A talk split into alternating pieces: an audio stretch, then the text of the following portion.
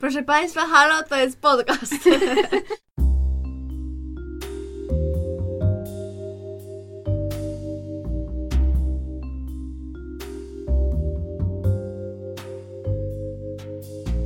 Witamy w bliskich spotkaniach szóstego stopnia.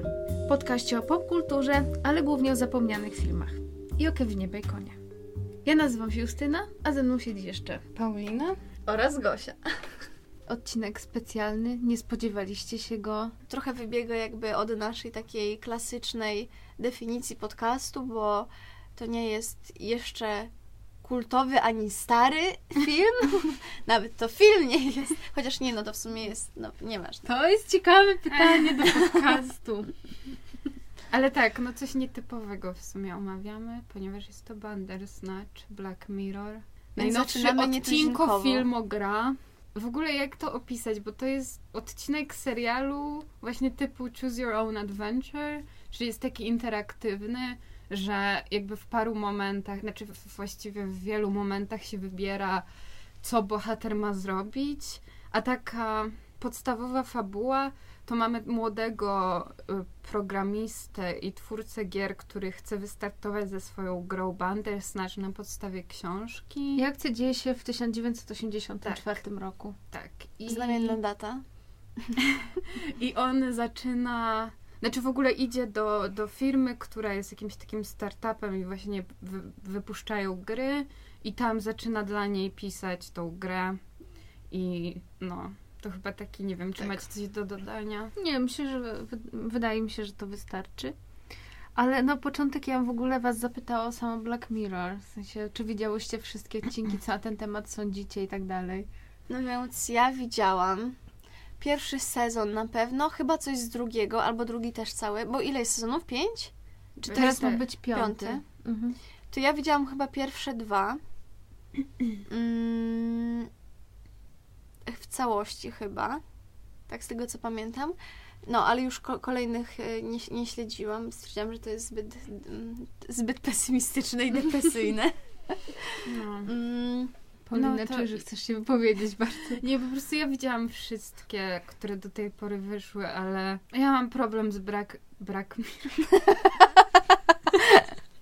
ja mam problem z Black Mirror, bo, bo serio mam wrażenie, że to już jakby to już jest do tego stopnia pesymistyczne i jakby, że naprawdę z jednej strony jakby czerpie się z tego przyjemność, bo to są naprawdę dobrze napisane rzeczy i bardzo jakby wszystko to jest dobre, tylko że naprawdę to jest tak pesymistyczne i dobijające, że że ja po- podejmuję taką decyzję, że naprawdę jakby nie czuję teraz potrzeby, że jak będzie następny sezon, to naprawdę nie chcę go za bardzo oglądać. I z tym Bandersnatch też miałam takie, że jakbyście nie, nie chciały tego odcinka, to bym nie, nie, nie obejrzała tego, bo po prostu mam dosyć Black Mirror.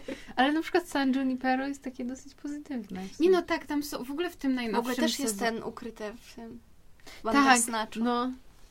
Ale to dobra, przepraszam, taki Ale no, w sensie wstrzymałam. tam jest w ogóle w tym najnowszym sezonie, było nawet tam był taki e, coś tam Hank the DJ odcinek, mi się wydawało mi się, że był całkiem pozytywny i w, ogóle- więc tam są jakieś takie e, znikome ślady pozytywności i optymizmu, ale no to z, długo zostaje z człowiekiem ten serial. A ty Justynka widziałaś coś tam? Widziałam z trzeciego sezonu trzy odcinki. Widziałam Nosedive, widziałam e, właśnie San Junipero i Shut Up and Dance, bo lubię tego aktora. Boże, to Up and a właśnie-. To jest ten, ten, co gadałyśmy o nim. To jest fatalne. A w którym to jest sezonie, przepraszam? Trzecim, w trzecim. Kurczę, to ja z trzeciego chyba też coś widziałam w takim To może ty razie. pierwszego nie widziałeś, bo na przykład przez dłuższy czas Netflix proponował zaczynać chyba od drugiego albo trzeciego sezonu, bo to był ten amerykański. Ale Jakoś to było dziwne. ale pierwszy odcinek jest o prezydencie. Ta, no tak, to, to, to widzicie. To ja to widziałam. No nie wiem. No nieważne Dobra, w sumie, mniejsza. ale okropne jest. Tak, jest okropny. Nie, ja nie prostu, rozmawiajmy. No. tak, skupmy się na Ban- Bandersnatchu. Ja pam- właśnie pamiętam, że od dłuższego czasu były informacje o tym, że coś się szykuje interaktywnego i to właśnie w tym w, świecie Black Mirror. I 27 grudnia oni wypuścili trailer. Ja go nie widziałam, bo jakoś mnie to nie... I bo następnego dnia jakby pojawił się cały już odcinek e, i, Mm.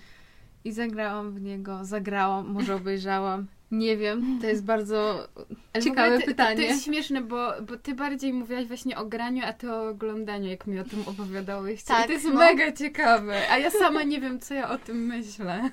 Jesteśmy twoim eksperymentem socjologicznym.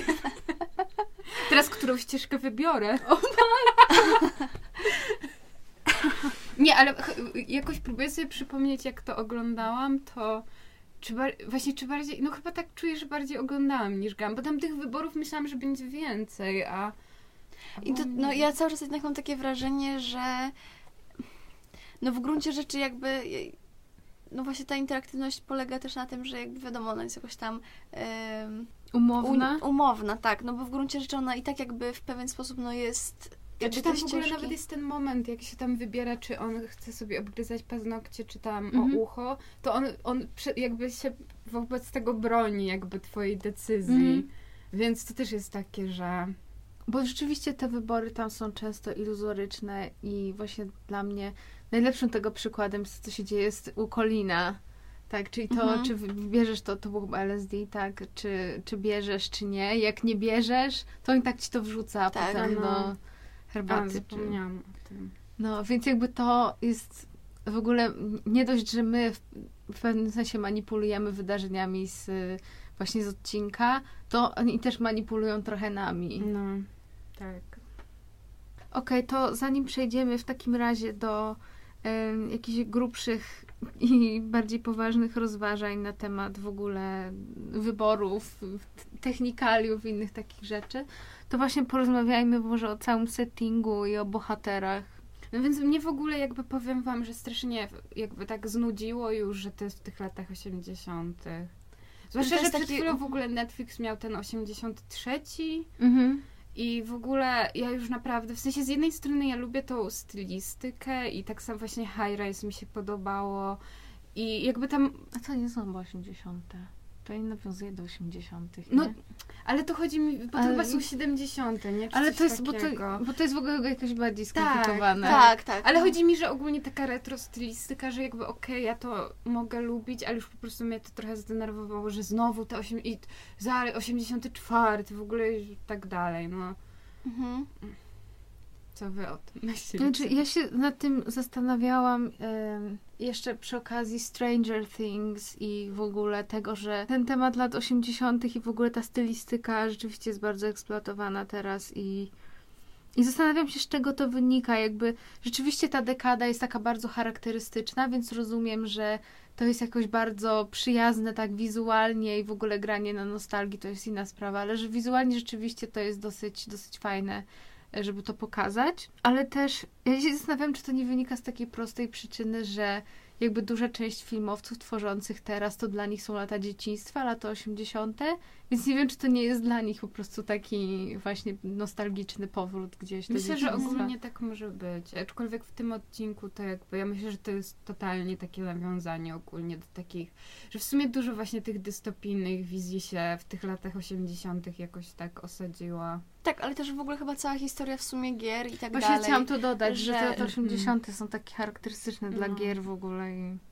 A w ogóle mnie jeszcze jakby w ogóle ta architektura dość tak zaciekawiła, w takim sensie, że to jest ciekawe, że jest taka wizja, w sensie, że przynajmniej ja mam taką wizję, że są, jest taka architektura angielskich domków i w ogóle, a tam za bardzo tego nie ma. I właśnie są te górujące wieżowce i ten modernizm Mhm. i to takie, te giganty nad tym właśnie, jakie ty jakby wyłapałaś to ujęcie, jak ten chłopak stoi nad, Mhm. pod tym wieżowcem. W ogóle mi się to mega skojarzyło właśnie z jakimś Berlinem, albo jakby zupełnie nie, zupełnie nie z... Bo to się dzieje w Anglii, tak? Tak. I właśnie akurat tej Anglii tak nie czujesz Tak, tam bardzo. tylko tak, tak jak się te I te szeregowce tam przerawi... Co się przewijają. Przewijają. Właśnie, jak się przewijają te szeregowce, ale tak to, tak to faktycznie jakiś ten modernizm taki. Chociaż z drugiej strony pytanie, czy jakby... Chociaż kurczę, no modernizm się niby skończył w latach się... No nieważne, nie, nie, nieważne.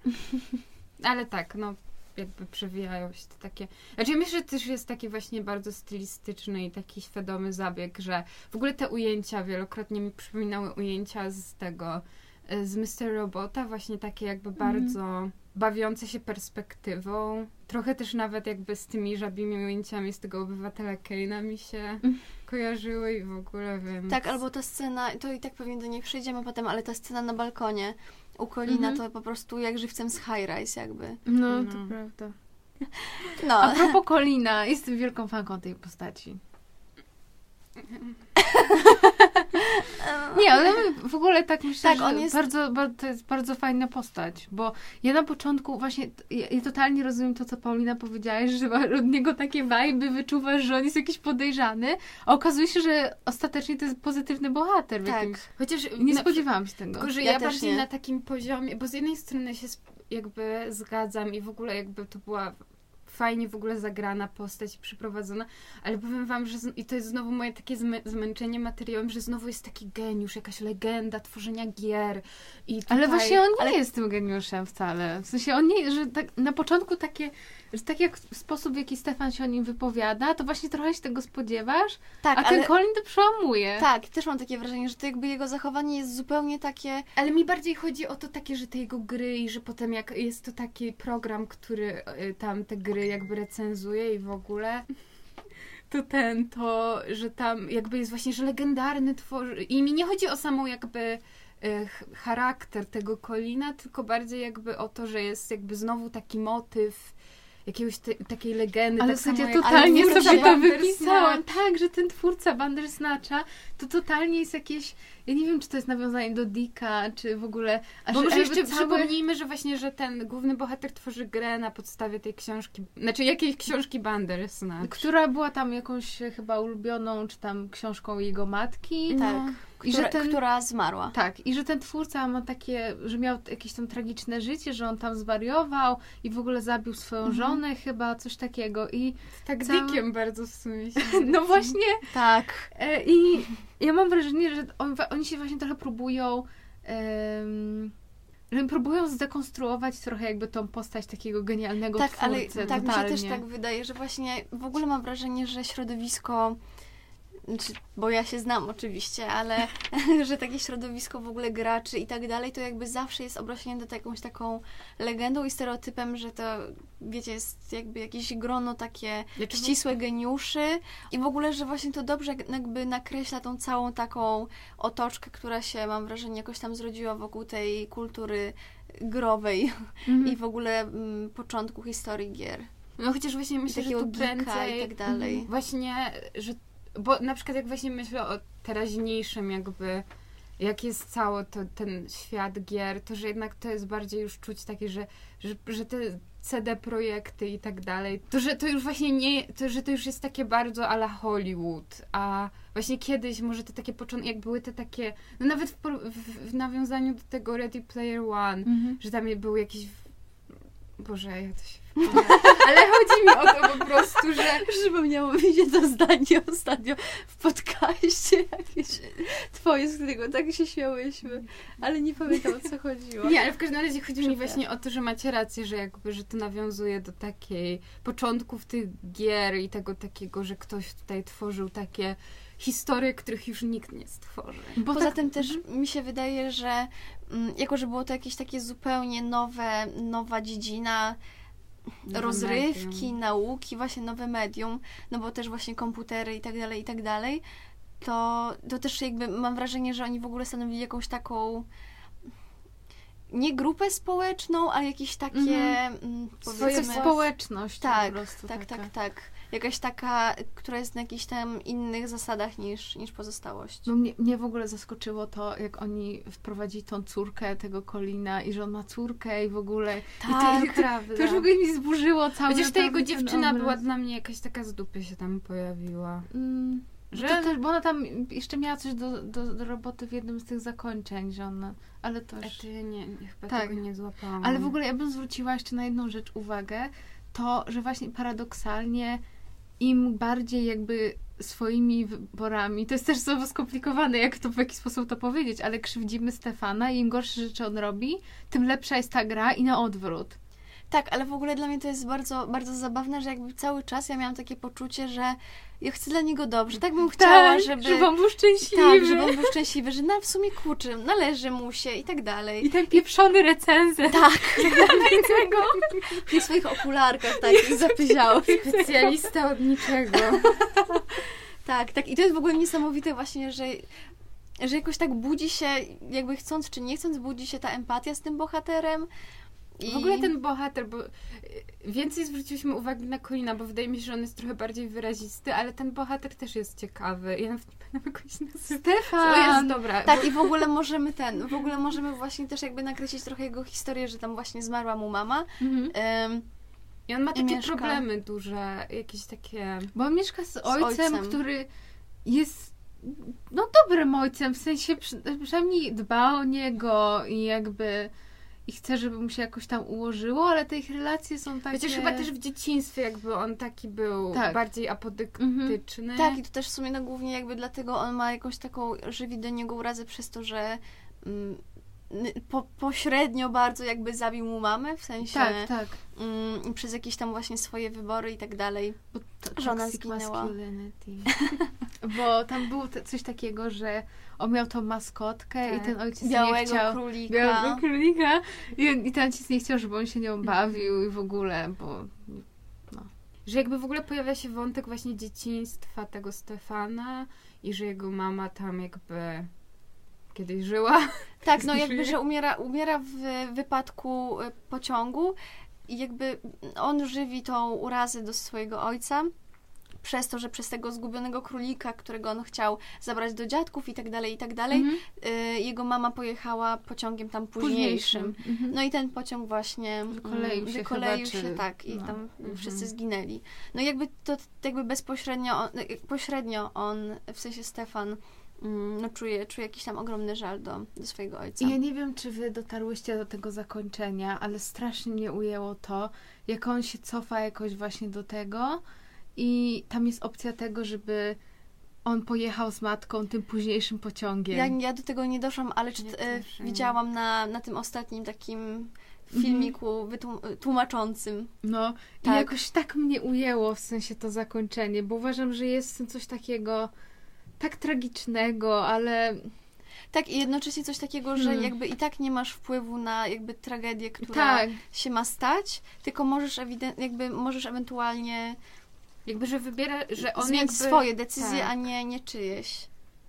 I to jest ciekawe bardzo. Nie, w ogóle to jest takie bardzo...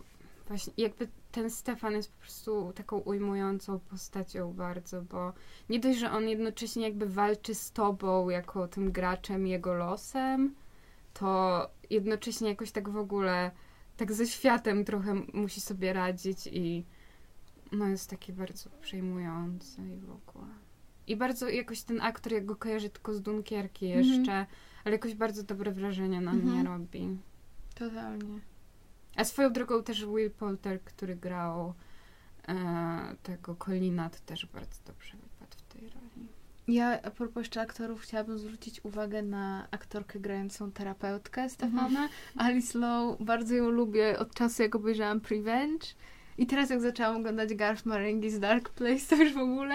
Więc tak, bardzo ją lubię, chciałam tak zaznaczyć to. Nie, w ogóle jak ona zaczyna walczyć, bo tam właśnie jest jedna opcja, że jak Stefan zaczyna przeczuwać, że ktoś nim kieruje, to jakby można wybrać, czy się podaje z jakąś tam organizację, która, którą, która rzekomo przemawiała do tego autora Bandersnatcha albo za Netflixa. No i oczywiście pier- nie wiem jak u was z wyborem było.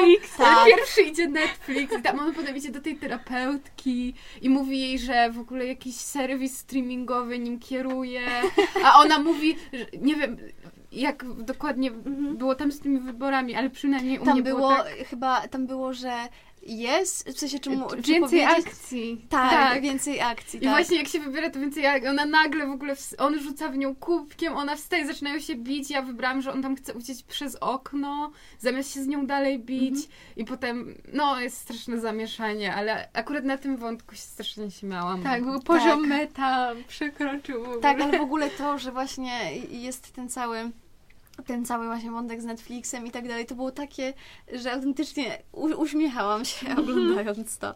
I że to jest takie, taki wink do...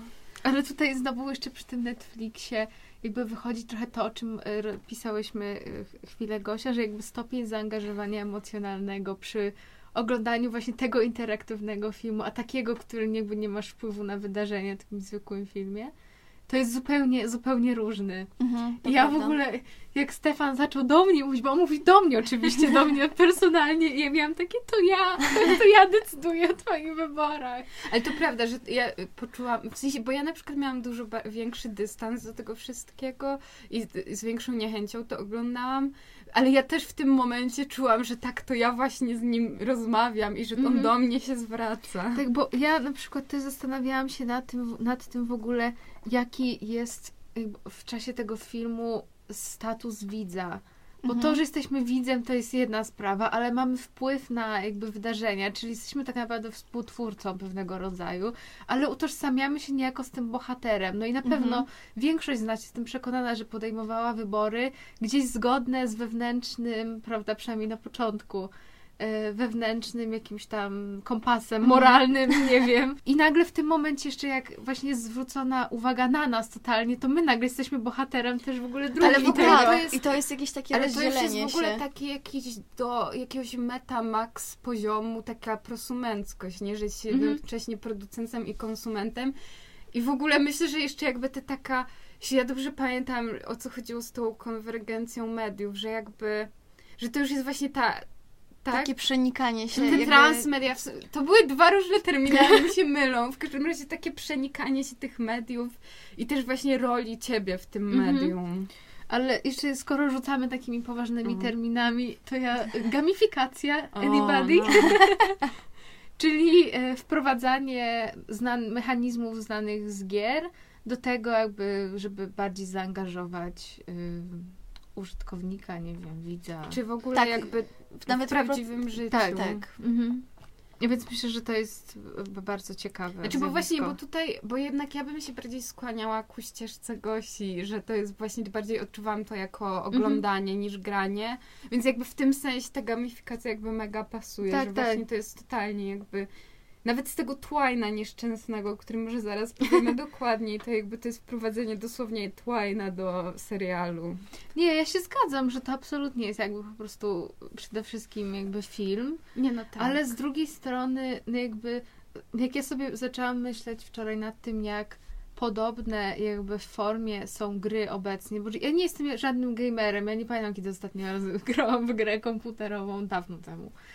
E, ale to na przykład, no jakby, czy to się tak bardzo różni? Ja nie, broń, nie chcę bronić tej tezy, że to jest gra i że się w to Nie, nie. gra, Ale, ale- tak, tak, tak. No bo cały czas macie, na macie, scenki, fa- macie scenki fabularne, normalnie, dochodzi do momentu, gdzie coś robicie i znowu po raz kolejny Nie no, bo to jest znowu fabuła. tak jak gry już od dawna korzystają jakby z narzędzi Filmowe, filmowych. oczywiście. Tak, w ogóle ile Tak. jest gier, które po prostu nie mają jakby prawie w ogóle jakby nic poza klikaniem właśnie decyzji. Mhm. Wiecie, na przykład moja przyjaciółka mi polecała, nie pamiętam jak ta gra się nazywa, ale właśnie, że po prostu jest historia, w której się podejm- w której się mówi, co się jakby, jest prowadzenie rozmowy i jakby z tego Mhm. idzie historia. No to jest dokładnie to No samo. w gruncie prawie. rzeczy w sumie to jest w ogóle jakby gra tekstowa, tak jakby na Tak. takim Tak, bo to jest- podstawowym poziomie. To wcale nie jest a żadna nowość, bo to znamy po prostu też z innych mediów, czy właśnie z książek, czy gry, gry, gier tekstowych, tak jak mówisz, Kosia. Tak, ale to jest właśnie ciekawe, że jakby w połączeniu takim, mm, w takim przeniesieniu tego do serialu i tak dalej, jakoś,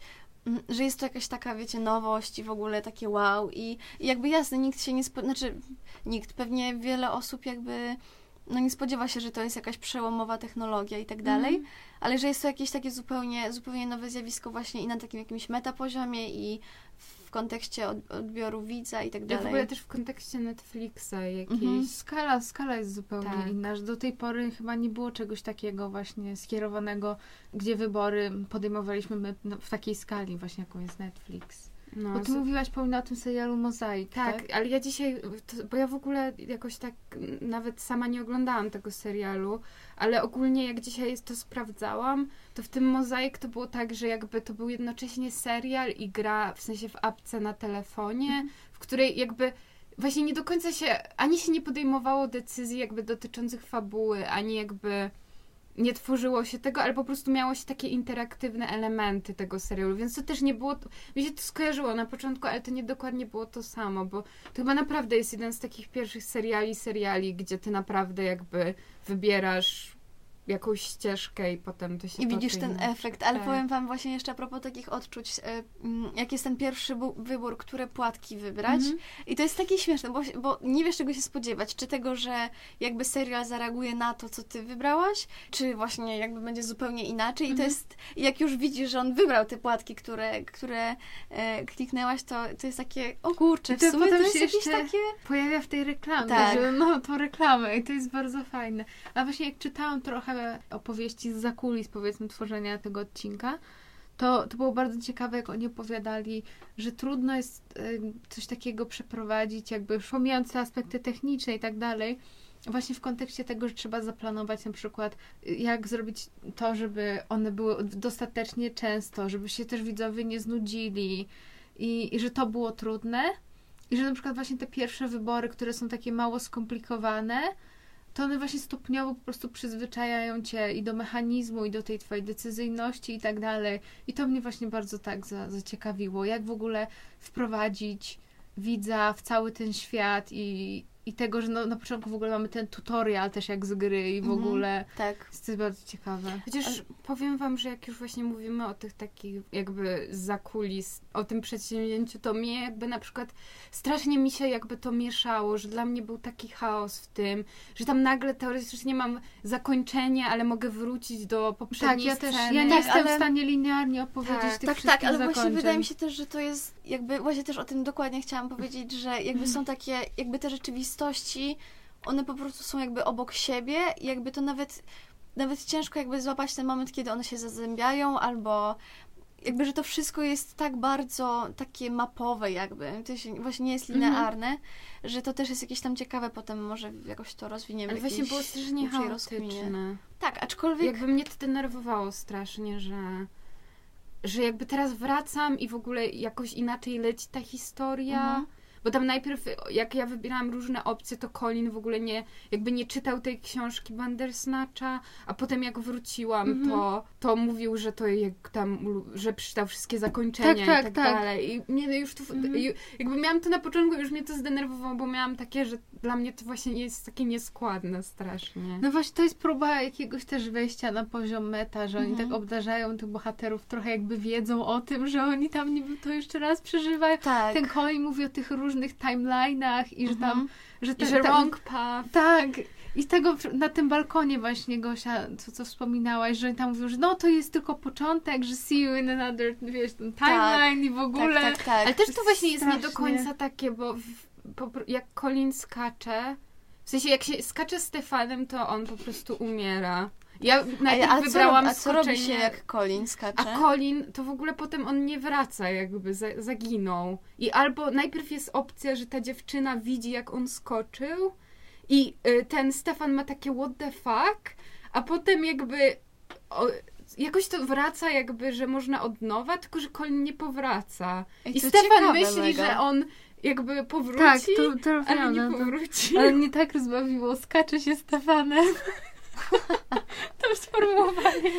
Ale w ogóle, w, cieka- w ogóle też tak wizualnie, tak przepraszam, że tak przejdę tak w ogóle z dupy strony.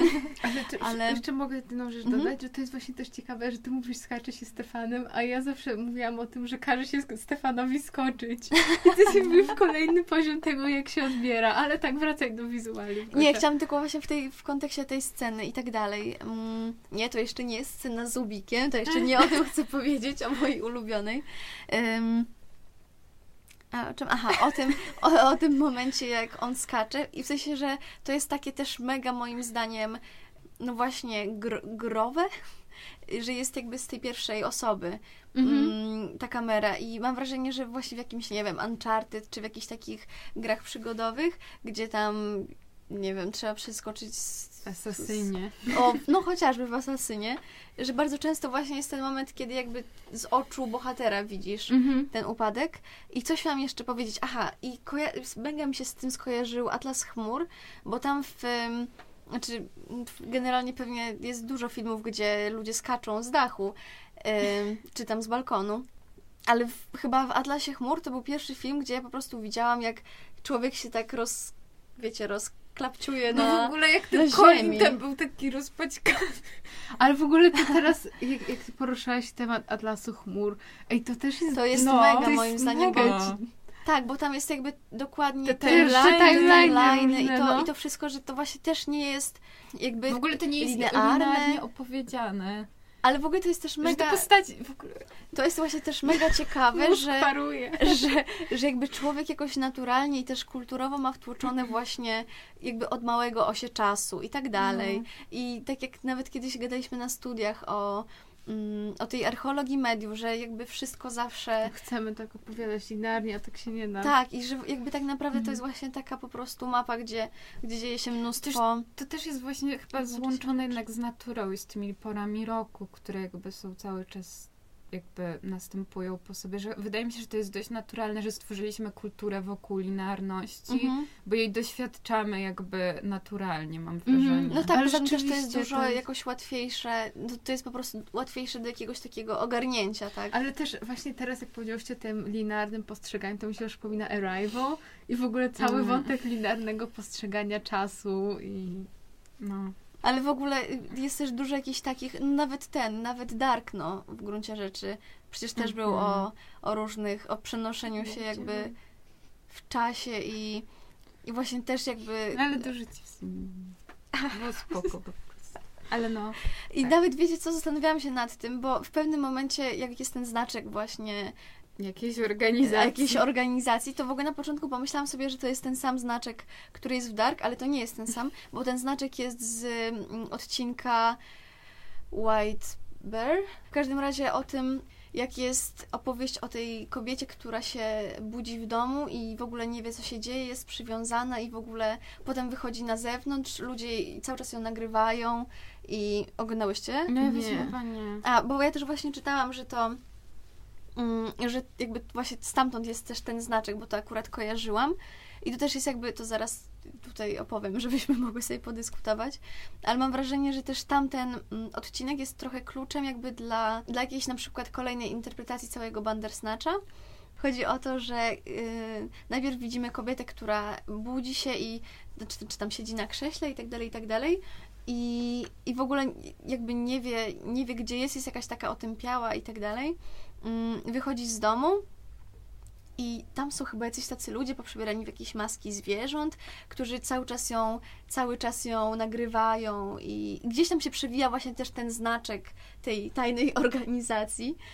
Końcówka jest w sumie clue, bo okazuje się, że to jest wszystko jakby ustawiane i po prostu ona jest jakby w takim specjalnym więzieniu, gdzie chyba ona była odpowiedzialna za zabicie swojej córki albo jakiejś dziewczynki, tak, y, tak mi się wydaje, ale też nie chcę tak, wiecie, Mhm. tutaj ściemnić. W każdym razie na jakieś zabójstwo i to jest jakby kara, którą ona odbywa i, i jakby za każdym razem potem ona siedzi na krześle elektrycznym, jakby wymazują jej pamięć i jakby to jest non-stop, non-stop i tam przychodzą ludzie, którzy, mm, którzy ją, wiecie, nagrywają i no ją po prostu męczą tak psychicznie i to jest w ogóle bardzo... Kto chce oglądać Black Mirror? No i to jest w ogóle jakiś odcinek, który mnie jakoś strasznie tak e, załamał, ale to też jest moim zdaniem bardzo ciekawe w kontekście tego, co mówi chyba Stefan. W każdym razie pojawia się to w Bandersnatchu, że, czy, że w gruncie rzeczy Netf- Netflix, a że, że jakby ta osoba, czyli my, jakby ta sterująca osoba robi to dla rozrywki. No i to jest... No, To już mam meltdown. O nie, przepraszam, nie chciałam. Ale tak rozkminiałam to ostatnio. I, i, I mnie to tak strasznie wtedy uderzyło jakoś, że wiecie, że że jakby że i ten Netflix stawiający się w tym, że my w gruncie rzeczy tyle rzeczy jakby krzywdzących Ale ja to jeszcze w ogóle ja się czuję skrzywdzona przez Netflixa i Black Mirror. I w ogóle oni jeszcze, to jest Person- kolejny poziom. Raise your hand. Czujesz personally victimized. Ale w ogóle to jest to, jeszcze o czym mówiłyśmy. mm, pamiętasz, Pani, o co chodziło z tą grą? Której jakby jedyną opcją, żeby wygrać, było nie grać? Tak, że jakiś profesor uniwersytecki stworzył grę o jakby bombardowaniu krajów Bliskiego Wschodu dronem i tam było coś takiego, że jakby, że jak trafiałeś w jakąś na przykład wioskę, gdzie znajdował się terrorysta, to teoretycznie unicestwiać tego terrorystę, ale na jego miejsce jakby tworzyło się dziesięciu nowych, no bo tak też to działa, jak jest ingerencja jakiejś na przykład Ameryki właśnie, która zbombarduje wioskę, no to potem ci ludzie myślą, że o naprawdę mamy walczyć z kim i tak dalej. I właśnie jakby jedyną opcją, żeby wygrać w tą grę było po prostu nigdy nie podjąć decyzji zbombardowania. No i mam wrażenie, że tutaj też jakiś taki Dlatego podobny... tym nie grajcie, nie podobne- oglądajcie, przesłuchajcie ten odcinek i sobie Wystarczy, wystarczy wam.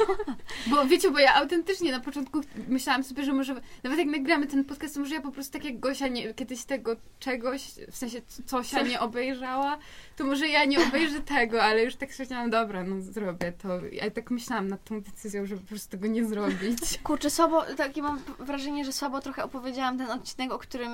Nie no, ale Bo nie, on jest, bo on jest właśnie taki, taki totalnie jeszcze ten znaczek i w ogóle, bo tam to wszędzie się pojawia to takie Ale to- krzesełko dziwne. Ale to też jest jak w gruncie... Krzesełko.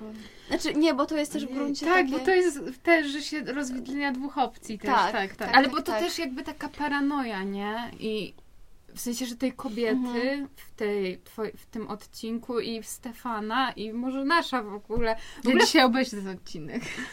nie rób sobie tego. No, jest Już przerażający. wszystko wiem. Swoją drogą, jak już mówimy o dziwnych przypadkach i paranoi, to fakt, że my na ten tydzień na studia miałyśmy przeczytać Ubika. Nie jest I przypadkiem. grałyśmy w tą grę, gdzie w ogóle ten Ubik jest kluczowy. Właśnie, to może porozmawiajmy o scenie z Ubikiem, bo uważam, że jakby wizualnie jest to świetna scena. Znaczy bardzo mi się scenie podobała. z Ubikiem, czyli Z plakatem. tak, plakatem Ubika, który jest wtedy jak e, Stefan rezygnuje z terapii, ze spotkania z terapeutką, bo widzi Kolina na ulicy i Mhm. wtedy można albo iść dalej na tą terapię, albo właśnie e, zahaczyć o mieszkanie Kolina.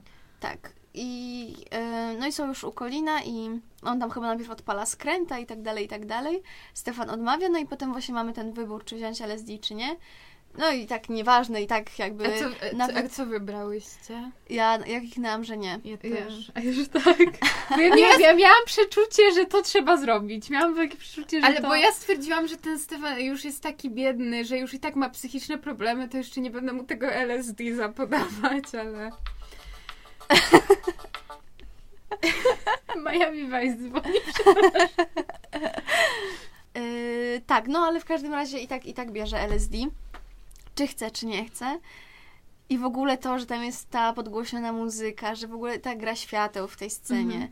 I potem, że te wszystkie jakoś zaczyna mieć te różne takie wizje, że mu jakby zaczynają ożywać obrazy. Mhm. Mm, I właśnie w mieszkaniu Kolina wisi plakat yy, z, jakby Ubika, w sensie sprayu Ubik z To, książki. to chyba pierwsze, to była okładka jakiegoś jednego Mhm. z pierwszych wydań, nie? No. Mhm. Ubika. tak. Ale w ogóle ja trochę miałam takie, że mogli chociaż dać ujęcie na książkę, bo kto ma plakaty książek na ścianie? Ja bym bardzo Nie. chciała, ale jakoś nie spotykam się z łatwością kupienia ich. Mm. Ale chyba ten spray, znaczy nie wiem, może tak wiesz, ten... Nie, to, to wizualnie fajnie Tak. grało, ale po prostu miałam takie...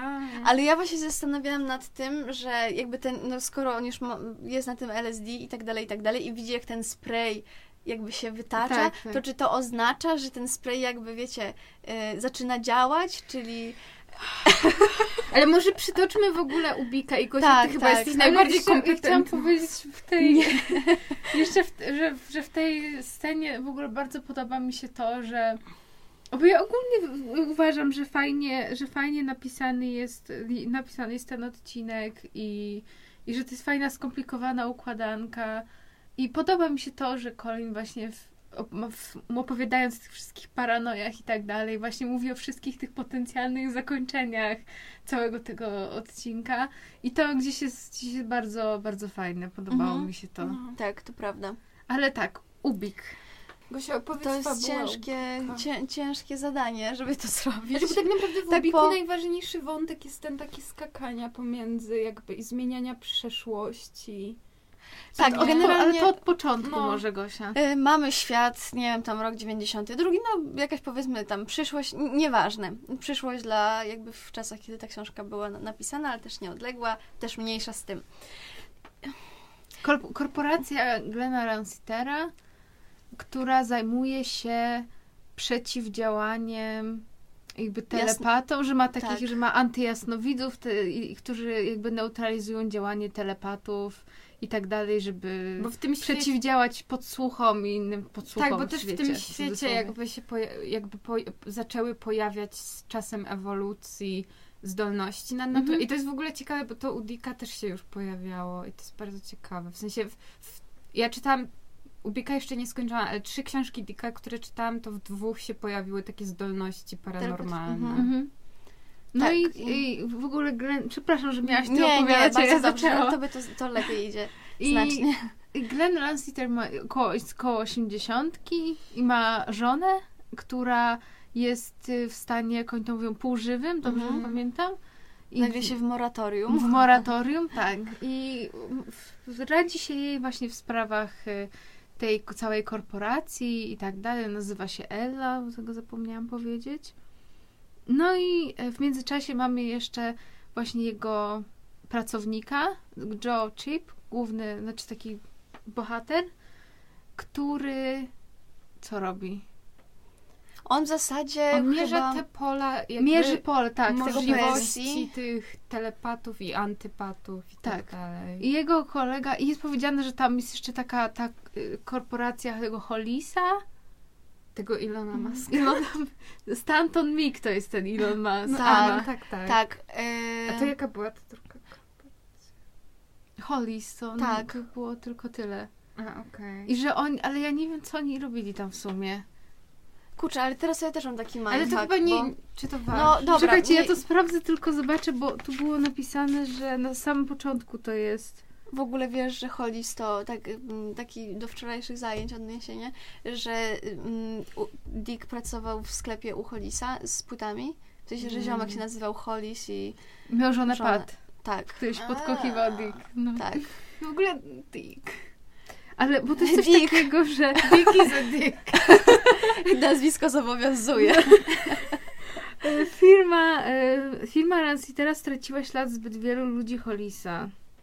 No bo chyba w ogóle ten Melipone, czy Meli... Jak, Me, jak, tak, Melpon, tak, jest tutaj. To jakby też właśnie głównie, głównie chodzi o to, że oni namierzali tego, jak, jak to czytać, Melipone? Melpon, bo tak. No, E, namierzali tego antytelepatę, y, tego telepatę, czy on był antytelepatę? Nie, Nie, telepatę, który jakby w jakichś tam korporacyjnych zawiłościach był bardzo ważny dla nich i, i go po prostu stracili, jakby stracili sygnał Mhm. z nim. Em, Bo oni się nazywają, w ogóle wprowadza to pojęcie, że inercjałowie chyba, tak? Czyli te wszystkie osoby z tymi zdolnościami. Mhm. To tak. No. e, tak. No i jest wprowadzona postać Pat Con- Conley, em, która ma jakieś takie bardzo... Mm, bardzo tak naprawdę odbiegające te zdolności telepatyczne, bo Jest, ona... jest, an, jest antyjasnowidzem chyba. Tak. Ona jest antyjasnowidzem, ale też umie jakby zmieniać i wpływać na przeszłość.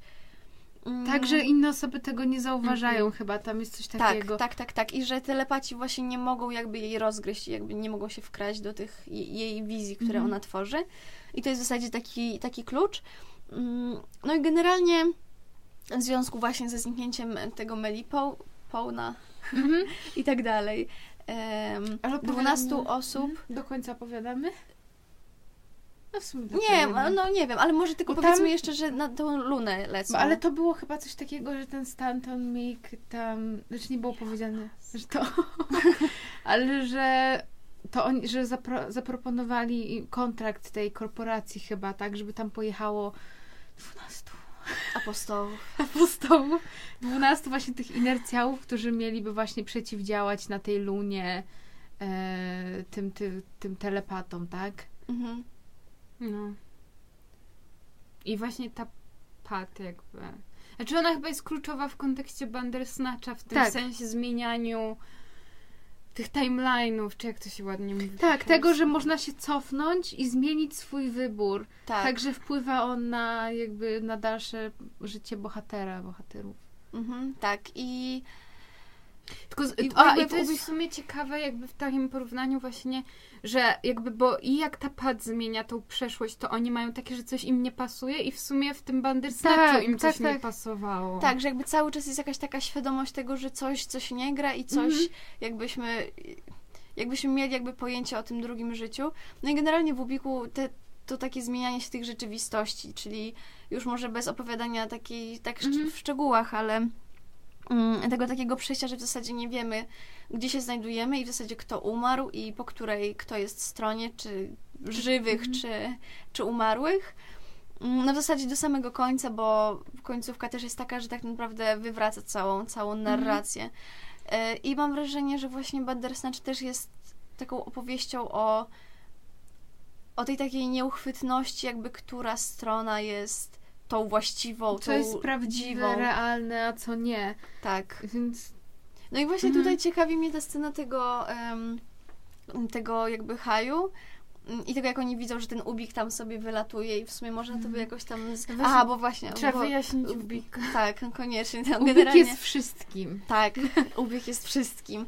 E, I jakby w powieści Dika jest przedstawiony jako no nie dość, że wszystko, ale jakby już potem w jakichś tam znaczących wydarzeniach jako spray albo jakaś taka maść, która ma, ma nie pozwalać się bohaterom cofać i jakby ginąć w tej przeszłości, zatracać Mhm. się. Ale też w ogóle ciekawe, że ubik na początku jest pokazywany w reklamach i Tak. jakby wchodzi ten komercyjny as, w sensie Bo taki komentarz komercyjny. Bo ym, my widzieliśmy fragment y, listu chyba Dicka do Lema, Tak. w którym on opowiada, że właśnie tam, że w Kalifornii to w ogóle, ja nie pamiętam o co chodziło, ale było, że w Kalifornii jeżeli Bóg chciałby się objawić, że jest wszechobecna tandeta, jeżeli Bóg chciałby się objawić, to zrobiłby to jakby w reklamie Ze sprayem czy z tam. puszką sprayu. Ale to tak samo było w South Parku, jak Jezus pierwszy raz szedł w tym serialu na ziemię, to się pojawił w programie rozrywkowym i nikt, jakby, jakby na nikim nie zrobiło wrażenia, że to Jezus, tylko po prostu na ziemi się pojawił w, te, w tym, a Jezus miał taki, nie zbawię was wszystkich, oni mieli, a jakiś typ w programie rozrywkowym. Ale ja bym się jeszcze a propos tego Ubika, chyba, że coś jeszcze chcecie dodać co do tego.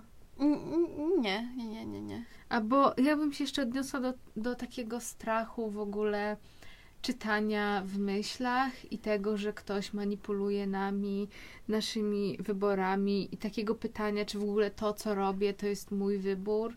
No Znaczy, tak- bo to też jakby ja kocham ten taki wątek właśnie predestynacji Mhm. amerykańskiej, jakby, że cała kultura amerykańska opiera się na tym, jak się nazywa ten odłam, na protestantyzmie i właśnie tam jakby główną myślą jest ta predestynacja, że jakby z góry ka- los każdego człowieka jest przewidziany.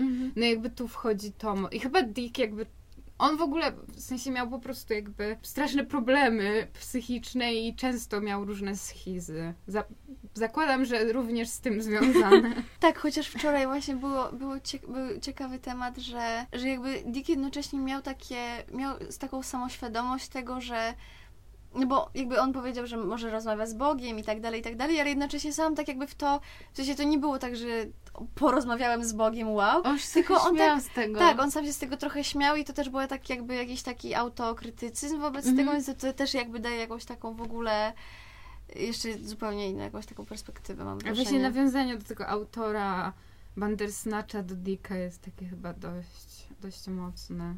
W ogóle, wiecie, czym mi się jeszcze skojarzyło a propos tej w ogóle tej predestynacji i tak dalej. Czy, czy to było przy okazji Kami, jak mówiliśmy o tym, że ogólnie w dwie strony to jest trochę słabe, że jeżeli jakby jest determinizm i Mhm. em, to to jest słabe, że jakby nie ma, że to co robisz jakby nie ma żadnego wpływu, bo już jakby ktoś podjął za ciebie te decyzje, ale jeśli jest wolna wola i nie ma niczego innego, no to też jest trochę, wiecie, tragiczne, że w sumie możemy podejmować wybory, ale co to zmienia, nie? Mhm, tak, że jakoś jest właśnie takie zawieszenie zupełne. No i to znowu, jak to Black Mirror zawsze robi, Mm. pozostawia cię w dołku bez nadziei. No bo ja nie, ja nie pamiętam szczerze jakby z czym związana jest, kto to powiedział, z czym związana jest ta koncepcja, ale tak mnie to uderzyło dosyć. Mhm. Ja bym jeszcze na chwilę em, jakby wróciła i odniosła się do e, tego manipulowania widzem i konsekwencji naszych wyborów i porozmawiałabym o takiej stronie etycznej, czy też moralnej, jakby właśnie grania i patrzę Ciebie, Paulina, żebyś się włączyła z grą Endera. To jest Twój A. moment. Ale ja się zastanawiam, mm, jakby w tym oglądając Bandersnatcha, jakby jesteśmy skonfrontowani z konsekwencjami naszych wyborów. Jakby ja Ja bardzo przeżyłam ten odcinek i bardzo przeżyłam szczególnie ten moment, w którym dochodzimy do zabójstwa ojca Stefana, kiedy um, Stefan już jakby zabił tego ojca i mamy do wyboru opcję zakop jego ciało albo poćwiartuj go. Ja w tym momencie byłam takie, Boże, ja nie chcę ani tej rzeczy, ani tej. Ja Boże, mi... Stefan, przepraszam, nie chcę, żebyś to robił. Jeżeli, wy go, wy, wy, jeżeli wybierzecie opcję zakop, to jeszcze jest, to jest najmniej taka z tych dwóch, ale opcja podświartuj, kiedy ty widzisz, że ten bohater jest tak, jest tak zawiedziony tym wyborem i tak nie chce tego robić, to ja czułam się paskudnie. Ale ja, nie, ja na przykład nie wybierałam tego poćwiartowania, a też wiedziałam, że jak zakopię, to pamiętałam, że pies na początku im tak, rozkopywał tak, tak, tak, i ja tak. wiedziałam już, że to będzie jakby... Ale nie chciałam go ćwiartować. Ale właśnie w którymś, w którymś filmiku było też powiedziane, że ten ojciec na samym początku, jak ten pies tak, no. e, kopie, to on mówi coś takiego, że, że ten pies przyniesie śmierć śmierć czy coś takiego i wiecie, i te takie też właśnie te takie odwołania tutaj nie, no, samym, ja, na samym ja serialu. po raz pierwszy grałam tak, żeby naprawdę, żeby nikomu nic się nie stało i chciałam, żeby wszyscy byli mm -hmm. szczęśliwi, ale potem mówię, dobra, chcę zobaczyć wszystko i wybierałam tę opcję. I niestety z, zmierzyłam się z tym, z tym Znaczy ja w ogóle wyborem. się zastanawiam jakby na ile jakby takie podejście bardzo emocjonalne, znaczy ja też jakby to przeżywałam, ale z drugiej strony ja mam świadomość, że to się nie dzieje naprawdę. No tak, ale jakby nie czujesz tego, że jakby mam wrażenie, że ktoś przy, ktoś wtedy mówił, chyba nie wiem, czy to twórcy, czy to chyba ktoś od Netflixa, że stajesz się pewnego rodzaju jakby osobą, która jest complicit no, w tak, tym zachowaniu, jakby w tej sytuacji. Ale tu właśnie fajnie na tym metapoziomie wchodzi ta gra Endera, której ja nie chcę spoilować, bo to naprawdę jest jakby książka, która tak rozwala mózg, jak miałam 14 lat to mi totalnie rozwaliła system. Ale, Ale tak, to żeby... może powiedz, jak ktoś nie będzie chciał, to sobie, wiecie, cofnie tam, pójdzie sobie do przodu. Chyba, że to, tylko chyba to jest jakieś takie też złożone mocno. Znaczy ja mogę tylko powiedzieć po prostu to, mhm. że jakby tam, e, więc to może powiem z tym, że jakby na takim metapoziomie gra Endera bardzo się jakby pokrywa z tym Bandersnatchem w sensie takiej odpowiedzialności za wybory. I uwaga, no to taki spoiler do gry Endera, ale tam jest coś takiego, że Ender jakby jest przygotowany, przygotowywany od dziecka i w sumie jako dziecka do po, jako dziecko do pokonania kosmitów, którzy teoretycznie chcą zaatakować Ziemię, przynajmniej tak mówi im władza, jakby temu społeczeństwu.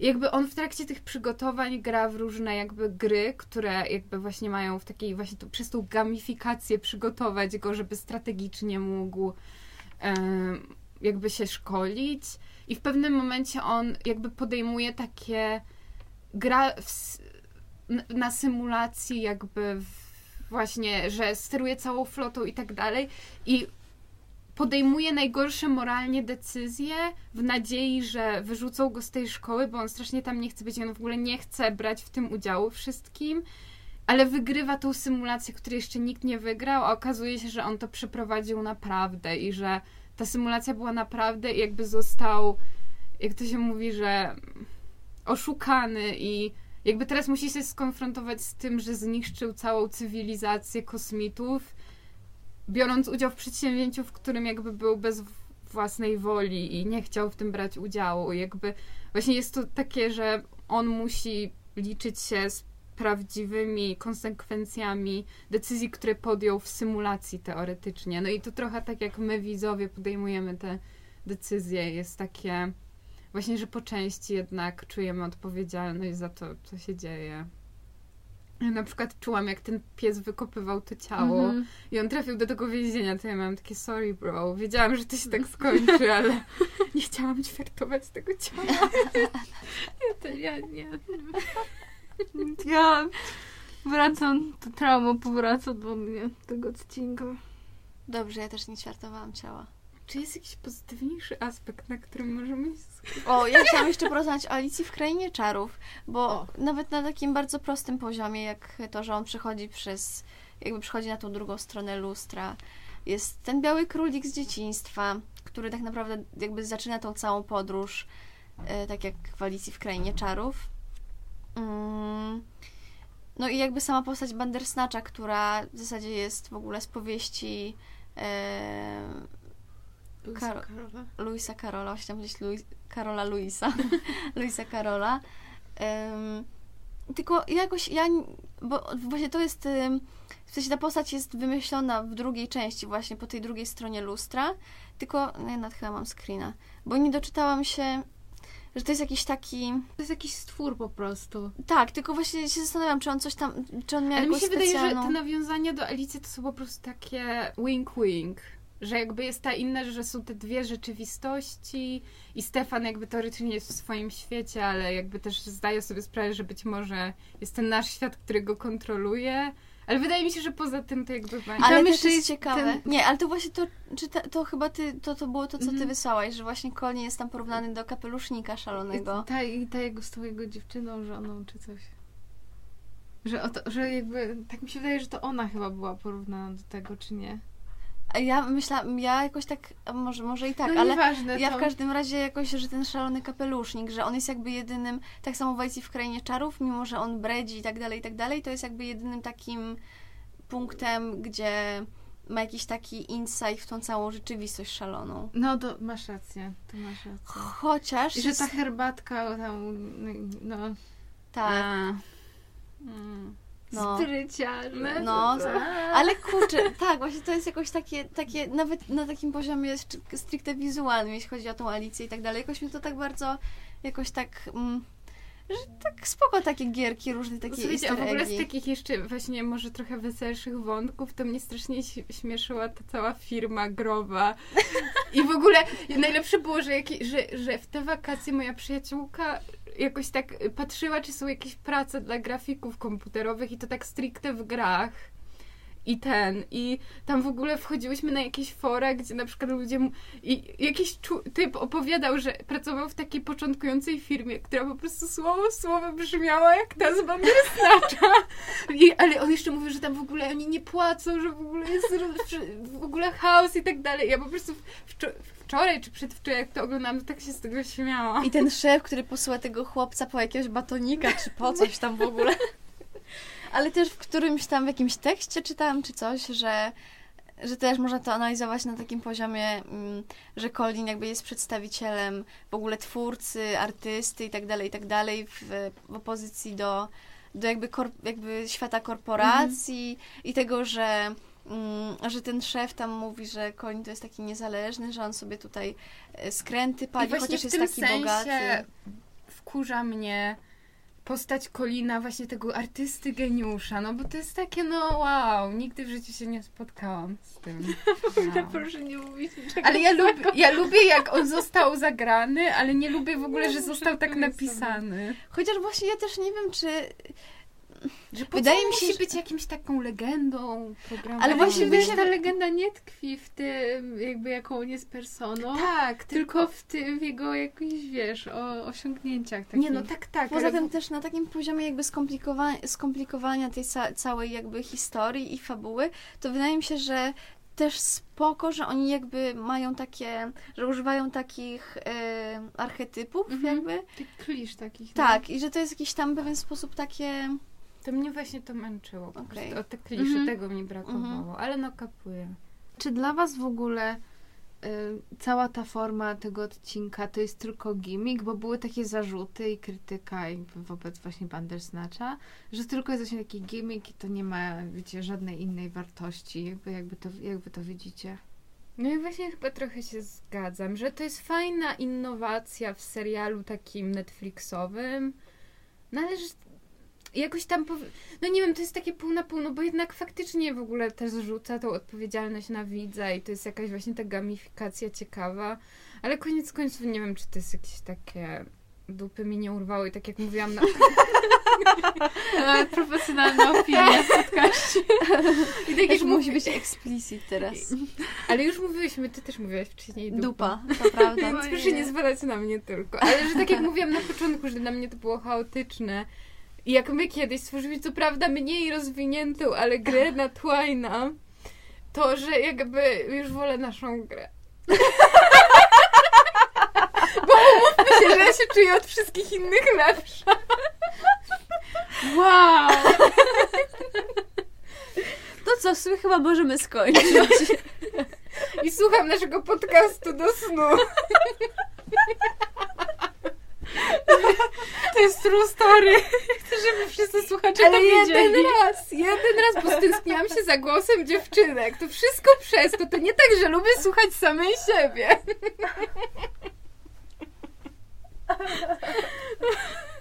Uch, dobra.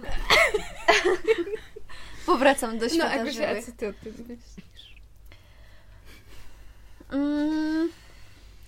Nie no, i jest to, znaczy ja mam takie wrażenie, że jest to po prostu bardziej mm, jakoś tam ciekawe na takim poziomie interpretacyjnym w kontekście właśnie Wolnej woli. wolnej woli i w ogóle właśnie tego odcinka, jakie stworzyło Black Mirror, ale nie, nie że to, wiecie, będzie jakaś jakiś przełom i teraz każdy serial tak będzie wyglądać, no bo to jakby to w ogóle nie ma sensu, mam wrażenie, i po co coś robić, co już jest właśnie w grach i po co to jakoś tam dublować, ale faktycznie jakby w kontekście całej tej historii i fabuły uważam, że, że to jest sprytne posunięcie jakby, mm, że na, na poziomie takim technicznym i formalnym, że możemy tę tą kontrolę i jakby całą tą refleksję nad kontrolą i odbiorcą przenieść też na, na jakby tych, tych Mhm. Ale też jeszcze właśnie a propos tego, że jakby jakby tego, że to już jest w sumie znane w grach, to właśnie na przykład myślę, że dość słusznie pultał się mistycyzm kulturowy na swoim, czy tam Pozdrawiamy. Tak, pozdrawiamy jakby. Jesteśmy fankami. Tak, ale że on się tak mocno pultał i jakby myślę, że dość słusznie, że jakby wszyscy tak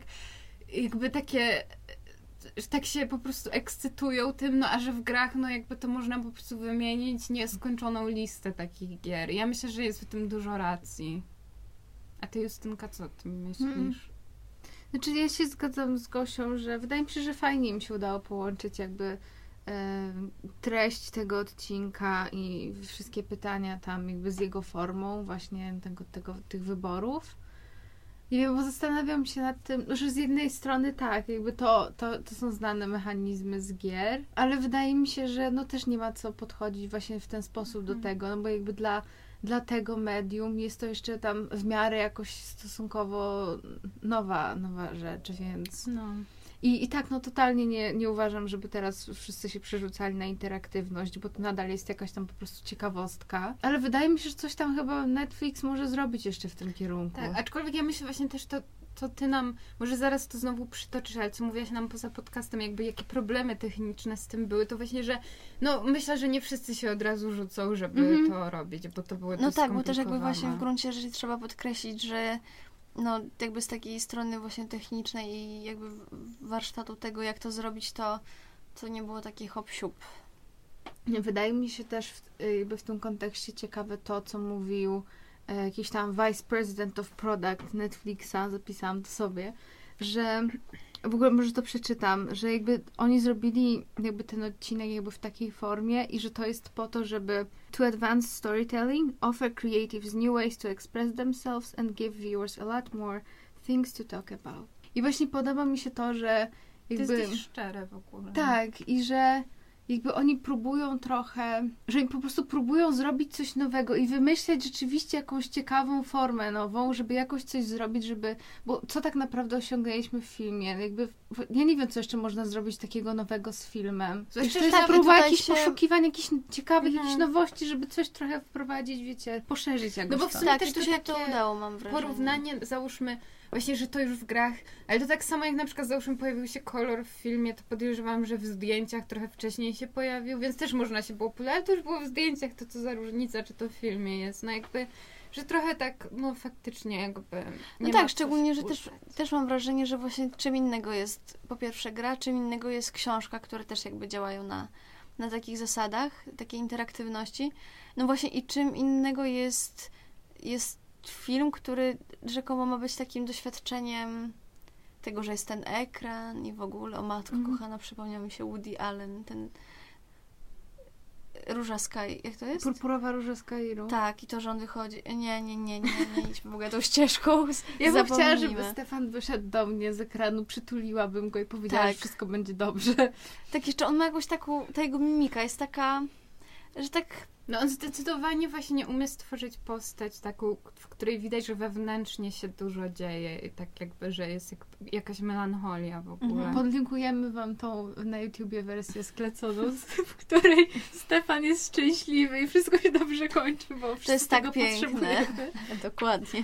A swoją drogą ja miałam takie przemyślenie jeszcze a propos Stefana krótko, jak tam była opcja, że tam nakrzycz na ojca albo wylej herbę na komputer, to ja myślałam, no w latach 80 wylewanie herby na komputer to nieźle sobie pozwala ten chłopak.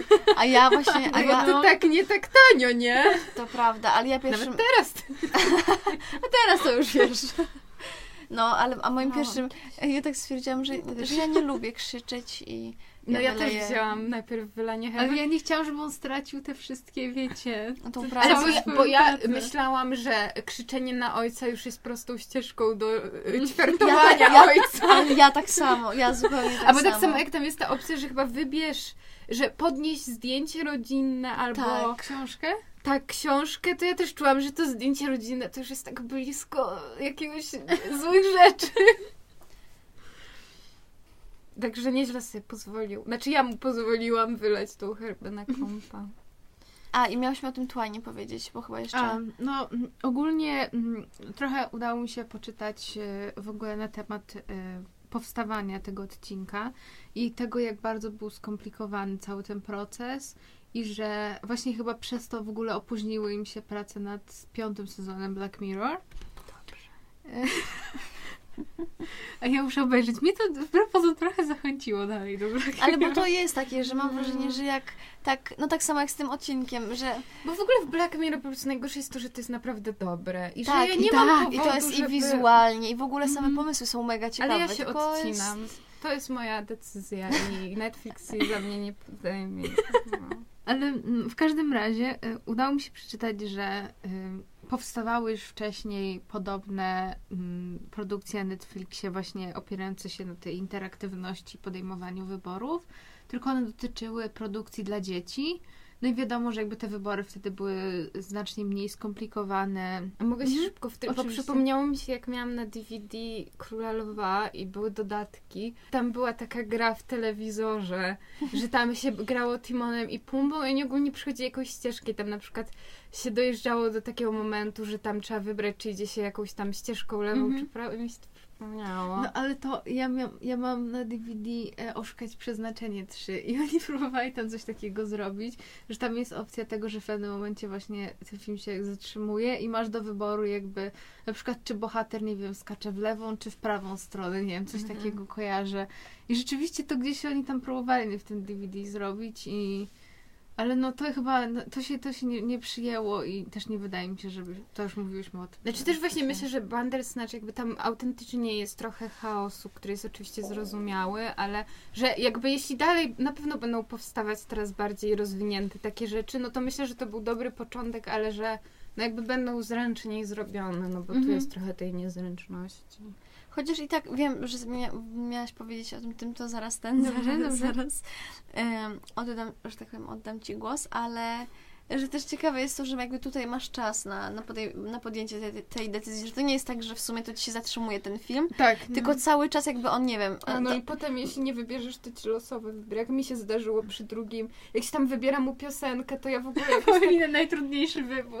Ja, nie, w ogóle jakoś tak, bo wypisałyście jeszcze na wszystko wasza wina, wypisałyście coś na Messengerze i ja w ogóle jakoś tak się ten, już tak miałam szansę jeszcze kliknąć i stwierdziłam, że wszystko jedno zobaczę, co mi wybierze, więc no jest taka losowa opcja. Em, ale co miałam? A, e, no i ten content dla dzieci, ale chcieliby spróbować coś takiego zrobić właśnie dla już dorosłych, tylko że wtedy to już jakby jest znacznie bardziej skomplikowane, bo prawda i te wybory muszą być już odpowiednio bardziej mm, skomplikowane. W maju 2017 roku wyszli właśnie z tym pomysłem do showrunnerów Black Mirror, czyli do Charlie'ego Brookera i Annabelle Jones. Oni postanowili, że coś w tym temacie zrobią.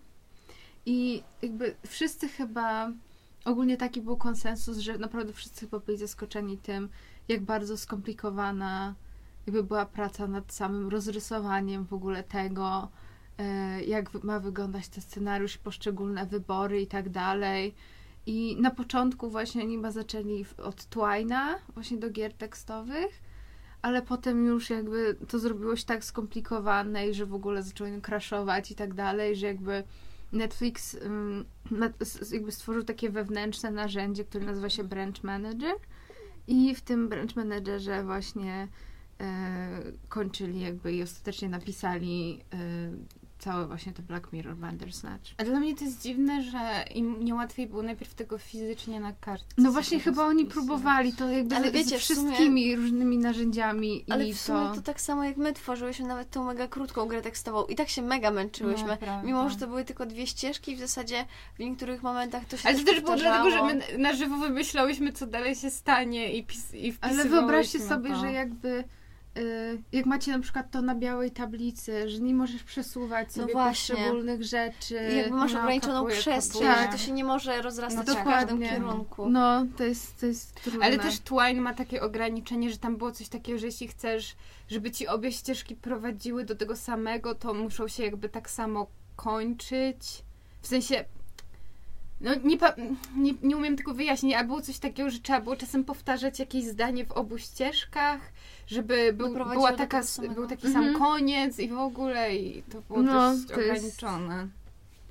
No i właśnie prace już takie jakby stricte na planie trwały, kręcili to 35 dni w przeciągu 7 tygodni i scenariusz, ostatecznie scenariusz tego odcinka miał 157 stron, gdzie przeciętnie scenariusz właśnie odcinka Black Mirror ma 65 mniej więcej. A w samym y, Bandersnatchu jest pięć głównych zakończeń i odcinek można przejść, najkrótsze chyba trwa około 40 minut, ale tak mniej więcej to jest około właśnie te półtorej godziny. Gosia miałaś jakąś myśl?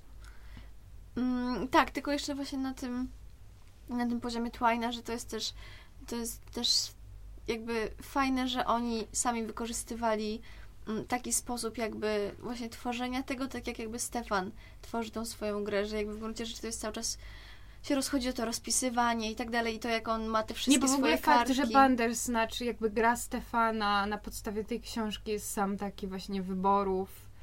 Jakby ta gra w tym Mhm. w serialu też taka Tak. Tak. jest. Tak, no i właśnie to taka, taka wielopoziomowość, że wybieramy jego wybory, a on robi wybory, tworzy wybory, Mhm. które coś tam, to, to tak, to, to już jest ta... Ej, a jaka Złożone. była ścieżka, żeby jego jakby gra była dobra? Bo wszystkie to ścieżki, z które... Bo właśnie wszystkie, które I to wybierałam... jest też takie, było to, jest najgorsze, że jakby cały czas patrzysz na tą cholerną recenzję, kiedy ona będzie... To, to swoją drogą też jest taka klisza, że... Pieprzony recenzent, powtórzę to. Ale w ogóle to też jest taka klisza, że żeby stworzyć takie ponadczasowe, wiekopomne dzieło, to trzeba właśnie mieć takie To właśnie mroczne przeżycia. Trochę o tym mówiłyśmy właśnie, że im jakby bardziej się... Nie, no tak, te- te- tak, to- to- ale że to tak, takie, do takiej życiowej kliszy, gdzie wszyscy myślą, że tylko jak się ma źle w życiu, to można stworzyć coś Poświęcenie fajnego. dla sztuki. No tak, i w gruncie rzeczy no jakby tak samo skończył jak autor Bandersnatcha, no, w, Mhm.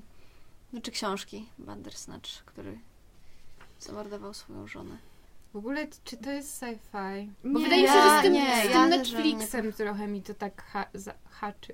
A, ja chciałam tylko właśnie jeszcze w tej scenie z Netflixem, to już wam mówiłam 10 razy, poza, tutaj poza rozmową, że w tym momencie, kiedy on pyta jakby kto do niego mówi i rozgląda się, tak to mi strasznie brakowało tego, że on patrzy się w kamerę, jakby Chociaż, popatrzyłby się tak na, na mnie. czy z drugiej strony to nie byłoby takie jakby obvious choice, że... Nie wiem, ale trochę mi tego Nie, brakowało, rozumiem, bo, rozumiem. Bo, bo poczułabym się chyba jeszcze bardziej fajne. zaniepokojona. Tak, bo, Bo- to była taka więź już wtedy na maksa. No, Tak.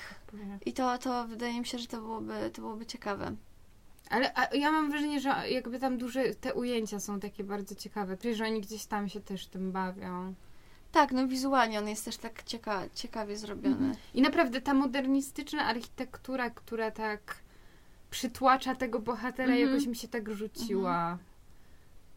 A w ogóle może macie ochotę pokminić filozoficznie mm, kwestie wy- wolnej woli, wyborów. Trochę zahaczyłyśmy już o ten wątek, ale może coś macie więcej na ten Hmm. temat do powiedzenia. Ja powiem szczerze, że nie, nie za bardzo się chyba znam na tyle, żeby się wypowiedzieć. No ja, Ja chyba też też nie. nie. W sensie, Znaczy tak... Chyba, bo, bo jakoś tak w tej filozofii średniowiecznej to oni tak lubili tam z tym Bogiem rozkminiać. Tam jedni mieli bardziej takie no bo też sam w ogóle chyba zapędy. Kant i ten taki determinizm i w ogóle. Ej, ale czy, czy w ogóle my jako widzowie nie jesteśmy Bogiem, że jesteśmy twórcą? No właśnie, ja bym, powie... ja bym powiedziała, że wybory? nie. My jesteśmy pośrednikiem między Bogiem, Netflixem, a Tak, totalnie. Jakby ja cały czas mam wrażenie, że po prostu Ale Netflix jesteśmy tam ma... współtwórcą Ale bo pamiętaj, że jest ta, taka, ta, że jednak ty jesteś też manipulowana przez No ja, no, kogoś. ej, masz rację. No. No, tak, tak, tak, więc ja, ja tutaj też bym chyba nie posunęła się, że Czy jesteśmy Netflix- demiurgiem. Bo czy trochę tak Netflix jak- jest ubikiem? Czy... No bo to trochę tak jak ta Pat, która jakby teoretycznie może manipulować tymi ścieżkami, ale przecież ona nie robi tego dla samej siebie. Znaczy ja nie czytałam tej książki jeszcze do Mm. końca, ale... Bo ona chyba dla Nie. kogoś pracowała, nie? Jeszcze innego. Tak, ale w gruncie rzeczy to też jakby tak naprawdę to nie pad, jakby to nie pad też robi tą całą taką wywrócenie tego świata, tylko jakoś się nazywa? Jory? Jory i tak dalej. I też to jest tam jakoś tam No nieważne, my trochę jesteśmy ale... pośrednikami jak Pat, mam wrażenie. No, tak, no tak, też bym też Wow! Bym... Wow! Wow! Tylko wiecie, z drugiej strony ja na przykład jakby też się czasem zastanawiam, czy takie nawiązania, i jakby to jest też to, co kiedyś mi na zajęciach jakby z pisania kreatywnego ktoś powiedział, że jakby, że czasem takie odwołania ostudzają jakby entuzjazm widza i ja trochę się czuję w przypadku Bandersnatcha z tym ubikiem i tym plakatem. Ostudzona? Tak, że jakoś tak, już się nie czuję tak, że to jest coś nowego, tylko że no kolejny motyw i tak dalej. Ale tylko z trochę drugiej jak strony, gdzie- z Biblią. Tak, no to, to, to chyba no właśnie na takiej samej zasadzie działa i mam wrażenie, że w ogóle, kurczę, każde dzieło da się tak jakby Nie no, rozłożyć. kapuję, ale po prostu jakby fakt, że to jest tak, czy się mówi explicite, jakby, że Mhm. Mhm. to, że In to mnie face. trochę, tak, in your face, On the nose. Dive. no, że trochę mnie to, no ja chyba ogólnie po prostu jestem tak mniej pozytywnie nastawiona do całego tego konceptu, więc z tym gdzieś mam też problem, że akurat jak wtedy jakby, że ja ogólnie lubię całkiem nawiązania i w ogóle, ale już jak na przykład w Mother O nie. nawiązania do Boże, Biblii nie. są już tak właśnie in your face i w ogóle, że ja Ja już chcę dostaję... wspominać. No w ogóle ja się zawsze zastanawiam nad takimi nawiązaniami, jakby na ile. No bo nie wiem, cały czas mam takie przeświadczenie, że w gruncie rzeczy stworzyć dzieło, które jest po prostu zbiorem różnych nawiązań, no to to jest jakby. Przepraszam, że to głupio zabrzmi, ale jakby ba- banał, w sensie po prostu zrobić to w najprostszy sposób. Odcinek o Mother? Nie, nie tylko. I ten, i że to jest jakieś trochę pójście na łatwiznę, ale też z drugiej strony ciekawa jestem, że w, tak naprawdę pewnie w każdym dziele. Znaczy, chodzi o to, że ostatnio mam taką rozkminę, że w gruncie rzeczy pewnie wszystko da się jakoś przyrównać do wszystkiego. Nie, no tak, w sensie to... I to mnie jakoś tak bardzo. Znaczy wiecie, to jest dobijające, że Arystoteles już mówił, że wszystko już było, No nie? bo to jest ten postmodernizm. No tak, ale że po prostu no, no, autentycznie wszystko już było i każda historia nawiązuje do jakichś tam archetypów i toposów w kulturze, ale to nie zmienia faktu, że mnie po prostu denerwowało i zaczyna powoli w różnych rzeczach, tak samo w tym nowym Blade Runnerze, ten Jared Leto, który gada ciągle o, O nie, Biblii. to w ogóle nie. No i jakby, że mnie już Nie. powoli zaczyna to denerwować, że po prostu wszystko jest takie... Jakby Znaczy- już nie bawi, nie bawi mnie ta gra trochę. No, ja na przykład ym, właśnie przy omawianiu tego ubika, y, jak zatrzymaliśmy się przy tym kluczu właśnie biblijnym i tych wszystkich porównań i odpowiedników, właśnie ja poczułam ogromny zawód. Znaczy ja wiem, że Biblia, jakby do czego się odwoływać, jeśli nie do Biblii, tak? Jest jakiś podstawowy tekst, jakby już abstrahując od konotacji jakichś tam religijnych, no to po prostu jako tekst literacki jakby o ogromnym znaczeniu. Ale no, czyli taki zawód, że a okej, dobra, to po prostu chodzi o Biblię. No. Jakby wiem, że jest ta wolność, y, różno, różnorodne interpretacje, co Gosia zwracałaś uwagę, ale Tak, w sensie, że jakby to Hmm. wydaje się jakimś takim prostym, znaczy pójściem jakimś na łatwiznę. tak, właśnie to przy Mother to, to samo jakby... To, to Tylko, że jeszcze hardcore. jak, mam wrażenie, że no, totalnie uważam, że Dick jednak coś robi z tymi, że to są nawiązania, ale że to jest jakaś historia i tam się dzieje dużo różnych rzeczy i jest dużo innych elementów, to w Mother na przykład ten film nie ma żadnej innej wartości, Mhm. poza tym, że jest retellingiem Biblii. No, Ale dla mnie też jest ciekawe to, że w ogóle jakby odwołujemy się do Biblii. jakiejś takiej. Mm, sensie, że traktuje, znaczy, tak mówię kulturowo, że jakby traktujemy właśnie Biblię jako księgę totalną i tak dalej, gdzie w gruncie rzeczy jakby ona sama jest. W sensie, że tak samo jak są te różne. Um, o matkach, jak to się nazywa. Te takie fragmenty, które nie są w Biblii. Apokryfy? apokryfy i tak dalej, i tak dalej, że jakby, że ona sama też składa się z nie, że jest interpretacją czegoś, to nie o to mi Mhm. chodzi, tylko że jakby te, też nie jest wiadomo czymś takim. Że nie jest spójna. Jednoznaczny? No tak, tak, tak, tak. No wiadomo, że jakby do czegoś się trzeba odwoływać i tak samo do jakichś takich powieści, Znaczy, takich mi kamieni się, milowych, ale. że z Biblią jest w ogóle taki problem, że my zwłaszcza w Polsce jakby, że ja trochę jakby traktuję Biblię tak jak traktuję mitologię grecką, że jakby dla mnie to jest jakiś taki tekst kultury, który właśnie Mhm. jest, jakby jest mega taki u podstaw właśnie naszej jakby jakiejś kultury europejskiej w ogóle, ale że tak naprawdę jak się nie jest osobą wierzącą, no to to jest właśnie taka mitologia jakaś, Ale właśnie której mnie to. religia przetrwała, a inne religie nie. Ale dla mnie to jest o tyle też ciekawe, że rzadko w ogóle Biblię interpretuje się jakby pod kątem właśnie jako tekstu kultury i tekstu literackiego, nie jakby w kontekście Ale to mi się wydaje, mitologii. W sensie, bo ja na tylko. przykład tak w liceum miałam. Znaczy, no tak, no I ja mi się też. wydaje, że to chyba jakby, po, jakby właśnie, że problem jest w Polsce, że jakby każdy przynajmniej raz w Polsce w życiu się znalazł w kościele i tam od razu jakby masz inne jakby spojrzenie na Biblię, bo jakby jest to coś, w co wierzysz. Znaczy, no tak, w sensie, że wtedy jakby nie traktujemy tego jako tekst literacki, ale właśnie ciekawa jest moim zdaniem ta, ta warstwa taka stricte, stricte właśnie tekstowa i literacka Mhm. i jakby nie chodzi o, o tą metanarrację i jakby właśnie o tą taką, w cudzysłowie jakby tą taką mitologię, tylko o samo, samo nawet właśnie czy tworzenie jakichś... ym, Znaczy to jest na przykład ciekawe, jak tam jest ta pieśń nad pieśniami, No która tak, jest tekstem też. erotycznym w Biblii i w ogóle. I to Mhm. jest jakby, to jest ciekawe, że ona się składa z wielu form i tak dalej, więc no, to jest ciekawe dość. Nie wiem w sumie do czego prowadzi. Ja, ja też właśnie nie wiem, że jakoś tak za, zabr, zabrnęłyśmy, ale... Ale no tak, że w sensie, że to takie, że właśnie tak jak ty się zawiodłaś na Ubiku, że on jest tak odwołujący Znaczy, do Biblii. znaczy zawiodłam się na tej interpretacji Mhm, ogólnie. Okej, to ja właśnie trochę się zawodzę na Bandersnatchu w sensie takim właśnie, takiego po prostu interpretacji tyl- przez Ubika. Hmm. Ja, ja nie ukrywam, że w moim przypadku to jakby tak potrafiło trochę na podatny grunt, jakby abstrahując od tego, że ja wszystko przeżywam i jestem bardzo emocjonalna, to mnie bardzo podoba się ta cała idea, właśnie te, te, ten temat tej wolnej woli i w ogóle tego wszystkiego. I gdzieś ja często tak mam, że jak sobie znajdę, wiecie, jakiś interesujący temat, to po prostu tak się tego trzymam. I, i, I trochę też z tego wynika to, że no właściwie nie pod, podobał mi się ten odcinek. Naprawdę mi się podobał. Ale no jakby nie, nie, nie. będę, nie będę tego tak traktować właśnie, że o Boże, rewolucyjne i w ogóle nic lepszego nie ma i fantastyczne i tak się zachwycam. Ale po prostu mi się podoba. Uważam, Mhm. że jest na tyle ciekawe, że rzeczywiście warto się nad tym zatrzymać na chwilę, tak jak to robimy dzisiaj. Znaczy ja jednak posuwam taką, w sensie, że mi się trochę jakby tak po, zaczynam popierać tą myśl, że jednak to jest jakiś Kamil Milowy kina, w takim sensie, że no to jest takie najbardziej jakieś takie pokaźne, właśnie ta gamifikacja w kinie. Bo Tak, jed- właśnie mi się, mi się wydaje, że też fajne jest to, że mm, jakby te same narzędzia, które zostały jakby wykorzystane do tego wszystkiego, też budują samą narrację tej historii.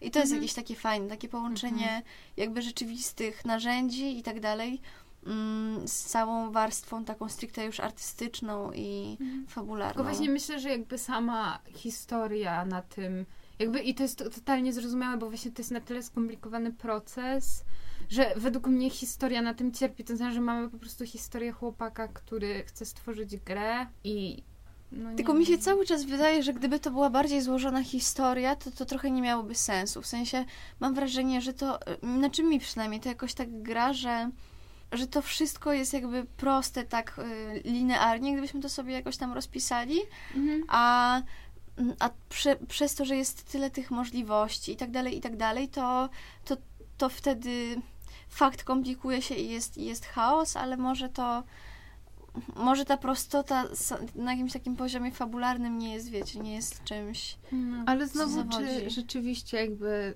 ta historia jest na tyle... Ja się trochę teraz bawię, wiecie, w adwokata diabła, ale bo jakby te wszystkie rzeczy, o których tutaj rozmawiamy, to nie, nie dotyczą jakby... One dotyczą jakby całości tego.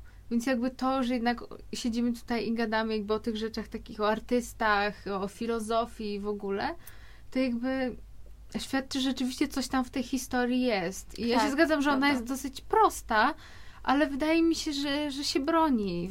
Znaczy nie, ja myślę, że tak, tylko właśnie, tylko też, to teraz ja się pobawię w adwokata diabła jeszcze kolejnego, że z każdym tekstem jakby może wejść filozofia i wszystko. Mhm. No właśnie, ale to też jest to, Ale co, nie, macie to, rację, co- że jakby to jest, jakby to gra po prostu ta historia w całości, tego medium, tej gry i tak dalej, że to wszystko po prostu ze sobą współgra. I tu rzeczywiście też trochę w nawiązaniu do tego, co mówiłaś, Gosia, że może, tro, może jest tak, że rzeczywiście trochę w tej historii jakby trzeba dać tej formie, że trzeba trochę odpuścić, żeby ta forma też trochę rzeczywiście zagrała, więc ta historia no, nie mogła być bardziej, Mhm. znacznie bardziej skomplikowana, no bo wtedy to już się, to już jest trochę za dużo chyba. No to prawda, no. Właśnie ja mam wrażenie, że mm, Atlas Chmur trochę, trochę przesadził. Mhm. Że to jest No. dobry, dobry przykład tego, jak pomysł, który moim zdaniem jest jakoś... Ja nie pamiętam, co tam chodziło. Ja nie rozumiałam, Ale- o co tam chodzi. Ale w gruncie rzeczy, to no się właśnie, w bo to czasie o to... jakoś rozłożyło. Nie że to się Tak. rozłożyło w czasie, to tam wiecie, jakieś to reinkarnacje i tak dalej, i tak dalej. I to właśnie takie jakieś nawarstwienie. listy, że ktoś komuś jakieś listy chyba tam były, że ktoś przekazał, ktoś znalazł. Tak, bo takie... właśnie to były te różne wcielenia i w No ogóle. I właśnie moim zdaniem w, w Atlasie, w Atlasie Chmur to się o tyle nie udało, że to było już za dużo, Mhm. że, mm, że te wszystkie pętle czasowe i tak dalej, że to się po prostu tak nawarstwiło, że to Mhm. jakoś stało się takie no już tłumacz. A poza tym to nadal jest jakby Black Mirror. Tak. I Mhm. to trzeba jeszcze brać pod uwagę, że rzeczywiście oni muszą to jakby działać w obrębie jakiejś konwencji, tak? No to prawda. W ogóle myślę, że jakby prędzej Black Mirror niż sam ten odcinek jest taki bardzo rewolucyjny w takim sensie, że jakby dawno nie było tak popularnego serialu, który by takie właśnie... Bo mam wrażenie, że sci-fi i takie rzeczy bardzo społeczne często mówią na takie tematy, ale że Black Mirror to mega spopularyzowało. I na, do takiego stopnia, że jakby jak u nas na zajęciach tam chyba dwa, dwa lata temu, jak też mieliśmy o tych mediach i tych właśnie transmediach i tak dalej, właśnie jak tam profesor spytał, czy ktoś Black Mirror ogląda, to jakby 80% sali podniesie ręce. I że Tak, każdy w ogóle, to że to taki jakby impact wywarło na, na no, w- w ogóle właśnie na, na społeczeństwie i tak dalej. To jest jakoś takie, takie ciekawe. Ale ja też na przykład w ogóle, jak jeszcze nie widziałam żadnego odcinka Black Mirror, to zawsze wydawało mi się, że to jest taki serial, który trochę, że tak wiecie, że jest taki, że złowróży, że wydawało mi się, że on jest taki bardzo że skupiony na pokazaniu właśnie tych negatywnych stron technologii i że on jest taki, że no, jak to się wszystko rozwinie, to w Mhm. ogóle wszyscy wiecie, zginiemy i w ogóle jak w Terminatorze. Nie no, jakoś wydawało mi się, że on jest bardziej skupiony na tej negatywnej stronie i on rzeczywiście jest dosyć niepokojący, ale na przykład w kontekście tego odcinka o San Junip- tego odcinka San Junipero, no to jakby tam w miarę to jest pozytywna historia, ma pozytywny wydźwięk i on rzeczywiście w bardzo fajny i skomplikowany sposób podchodzi do tematu w ogóle technologii i wpływu, jej wpływu na nasze życie, że to nie jest wszystko takie czarno-białe w tym, Mhm. w tym serialu. Tak, ale też umówmy się, że jakby, że to jest właśnie też dla mnie sci-fi zawsze jest o teraźniejszości, to, jakby to, to jest swoją drogą. I to właśnie jakby jest przerażające w Black Mirror, że po prostu, no zwłaszcza ten właśnie odcinek Nosedive, który wszyscy, jak Mhm. najpierw wyszedł, to wszyscy mieliśmy, o ja pieprz, jakby tak się stało naprawdę, to w ogóle, no a w Chinach to się dzieje i jakby mamy takie... Ale to też nie jest, wiesz, to takie... No jeszcze nie do tego ekstremu No. doprowadzone, ale no właśnie jest jakby dobrym początkiem. W każdym razie, no jakby myślę, że Black Mirror ma tą siłę jakby, że bardzo spopularyzowało, bo Netflixa ma dużo ludzi, właśnie spopularyzowało jakby te, te takie jakby komentarze społeczne i technologiczne i takie uświadamianie, bo nie wszyscy ludzie się zastanawiają nad tym, jak naprawdę technologia ma wpływ na ich życie. Mhm. I oni do tego wybrali jeszcze bardzo fajną formę, która rzeczywiście umożliwia im takie wieloaspektowe podejście w ogóle do tego, że to są oddzielne odcinki, które wiadomo, są tam różne easter i tak dalej, ale że jakby to im pozwala na jakby opowiedzenie różnych rzeczy w ramach właśnie tych kilku odcinków. Tak właściwie mogą robić jakby ten, ten serial no, przez bardzo, bardzo długi czas, bo nie są skrępowani gdzieś tam Mhm. przez jakieś, przez narrację, która się ciągnie i tak dalej. I to jest przecież antologia pewnego rodzaju. Mhm. No ciekawe w sumie przez ile będzie się trzymał ten Black Mirror. Bo tu nawet ta zmiana angielsko-amerykańska, jakby, że nie pokonała tego serialu, że tak powiem.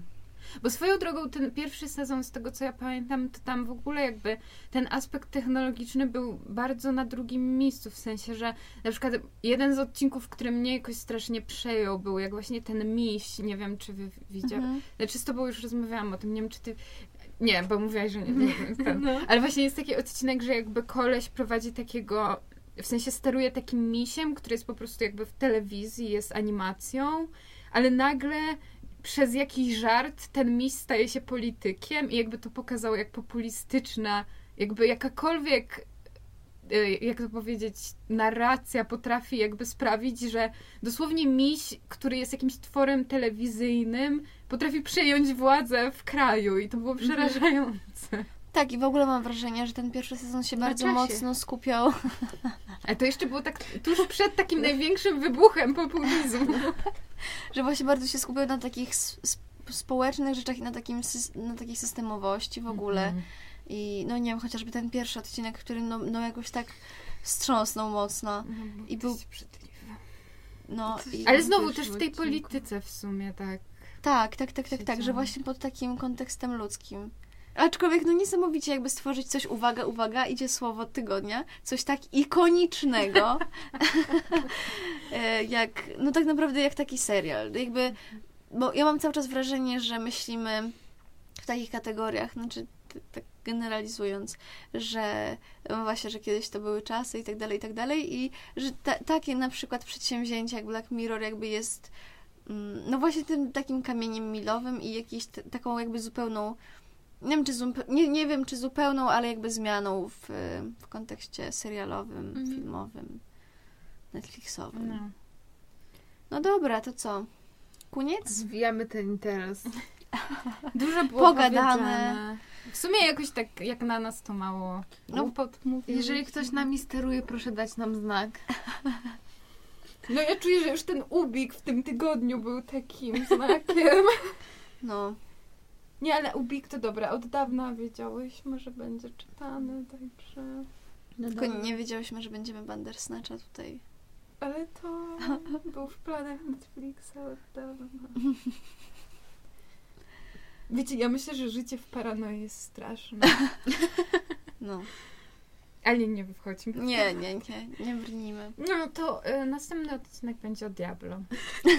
Koniec! Nie no, to co tak... Diablo. Wyścig o wszystko. Trzeba tak ładnie zapowiedzieć, Paulina. Myślę, że to będzie fantastyczne przeżycie, ubogacające to po pierwsze. To może być Szybkie. bardzo krótki odcinek. Jak to, się, jak to Słowacki mówił, że czytam Mickiewicz, że chce nasz z, z anioł, że po, poeta powinien ludzi z jakby uskrzydlać. No nie kojarzycie czegoś takiego, że Mickiewicz chyba tak wysoko o sobie myślał, że, że poeta jest tym Bogiem, który uskrzydla narody, czy coś takiego. To to my jesteśmy? I że ten film. A myślałam, że to my jesteśmy, że to my jako skrzydlające narody naszym podcastem. No nie, no ja myślę, że to będzie dobry fan.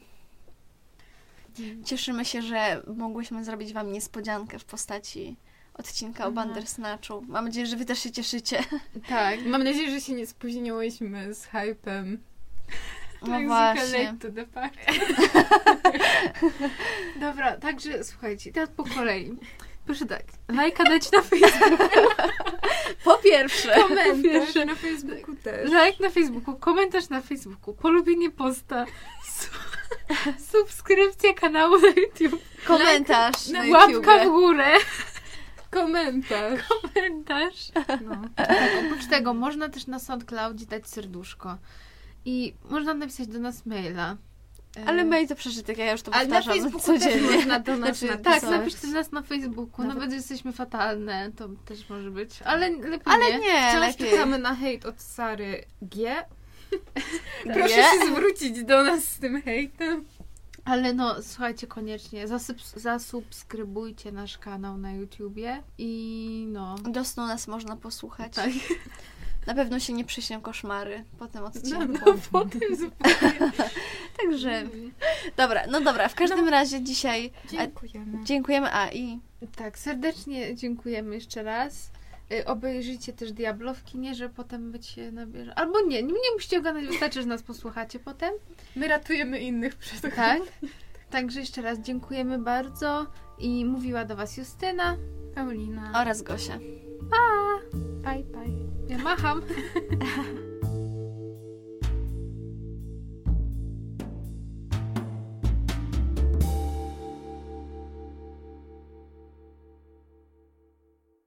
No nie wiem, zro... nie wiem czego, no. Dziękujemy, koniec tego podcastu. Nic już nie ma sensu. No ja mówiłam, że ty tak do tego Black Mirror nie biegnij zaraz. Czuję, że dzisiaj nie zostanie obejrzany ten White Bear czy coś tam.